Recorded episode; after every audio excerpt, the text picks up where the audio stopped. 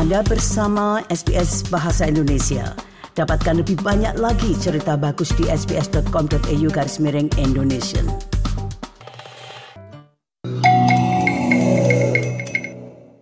SBS SBS SBS SBS SBS This is SBS Radio. Nah, jika Anda baru saja bergabung, Anda bersama uh, SBS Audio, program Bahasa Indonesia.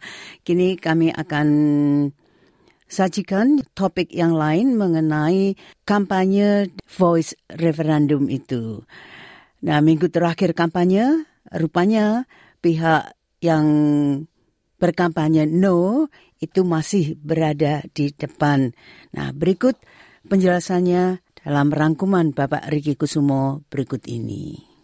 Pendengar sekalian, sebuah logistik masa damai terbesar di Australia akan berlangsung pada hari Sabtu, tanggal 14 Oktober, di mana akan diselenggarakan sebuah referendum Indigenous Voice to Parliament.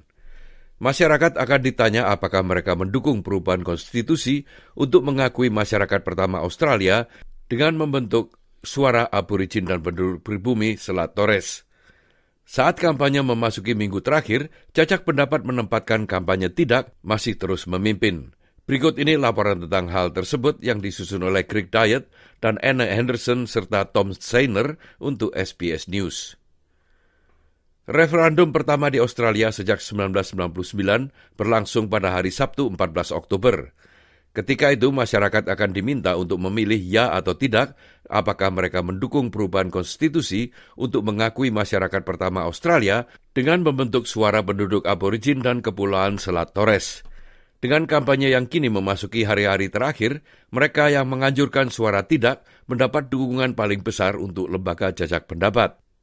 Pat Callanan dari Komisi Pemilihan Umum Australia mengatakan Menjelang referendum dan apa yang akan berlangsung pada hari Sabtu merupakan upaya yang besar. It is actually the biggest peacetime logistical event in Australia, so it's absolutely massive. Um, we're well well versed at it because we do it every three years for a federal election, and a referendum is pretty similar in how that works. Um, so, as well as resourcing all the different polling places and voting booths across cities and regional areas, we also have a thing called remote voter services. So, we're going out across the entire country and making sure people can cast a vote, including in remote communities. So, that can be quite an effort sometimes. We use boats, light planes, helicopters. Penghitungan suara akan dimulai segera setelah pemungutan suara ditutup. Namun, Pat Callanan mengatakan ada kemungkinan tidak akan ada hasilnya pada hari Sabtu malam, tanggal 14 Oktober. Hal ini karena setidaknya 1,2 juta orang telah mengajukan permohonan pemungutan suara melalui pos, dan AEC harus menunggu 13 hari agar semua itu dapat diterima. Jadi, meskipun pemungutan suara sudah selesai, hasil akhir mungkin bergantung pada pemungutan suara melalui pos.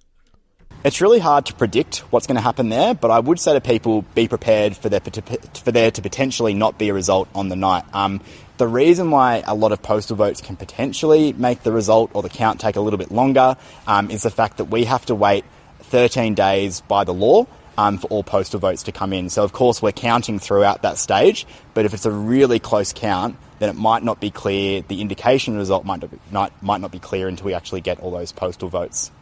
Untuk referendum ini berhasil, diperlukan apa yang disebut mayoritas ganda, yaitu adalah mayoritas penduduk dan mayoritas negara bagian yang memilih suara ya. Profesor N. Tume dari University of Sydney mengatakan, meskipun mayoritas ganda dalam referendum tersebut berhasil dicapai, namun dibutuhkan waktu bertahun-tahun agar suara tersebut menjadi kenyataan. This might take a while. It could take a year, it could take longer. I would imagine that the Albanese government would want to get it done during this term of office just to make sure that it can complete the pro- project. In the past, establishing other bodies like the High Court of Australia did take a number of years from um, after the point at which the Constitution required them to exist. Pat dari Komisi Pemilihan Umum Australia mengatakan jutaan warga Australia belum pernah memberikan suara dalam referendum sebelumnya sehingga AEC telah menjawab banyak pertanyaan mengenai proses tersebut. I think that in general, the fact that we haven't had a referendum in so long, there's just a lot of genuine confusion or questions about what actually is a referendum. So, some of the things we've been seeing a lot this year is questions about whether a referendum result is binding. The result is yes. The answer is yes, it is. You'd have to have another referendum to change the result if you wanted on that one. Um, and the fact that it's compulsory as well. So, you do need to attend and vote in one way or another. It's really no different to a federal election in that regard. Nah pendengar, ikutilah terus informasi mengenai referendum suara adat ke parlemen tahun 2023 dari seluruh jaringan SBS, termasuk perspektif First Nation melalui NITV. Kunjungi portal SBS Voice Referendum untuk mengakses artikel, video, dan podcast dalam lebih dari 60 bahasa atau streaming berita dan analisis terkini, dokumen dan hiburan gratis di Hub Voice Referendum di SBS On Demand.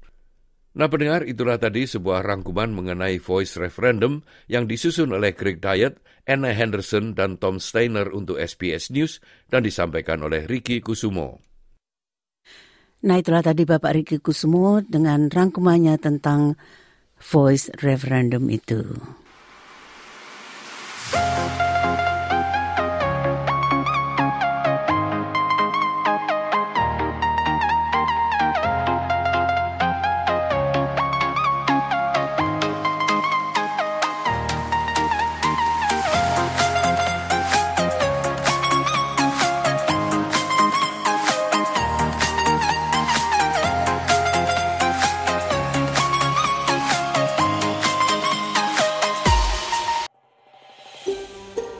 Anda ingin mendengar cerita-cerita seperti ini? Dengarkan di Apple Podcast, Google Podcast, Spotify, atau di mana pun Anda mendapatkan podcast Anda.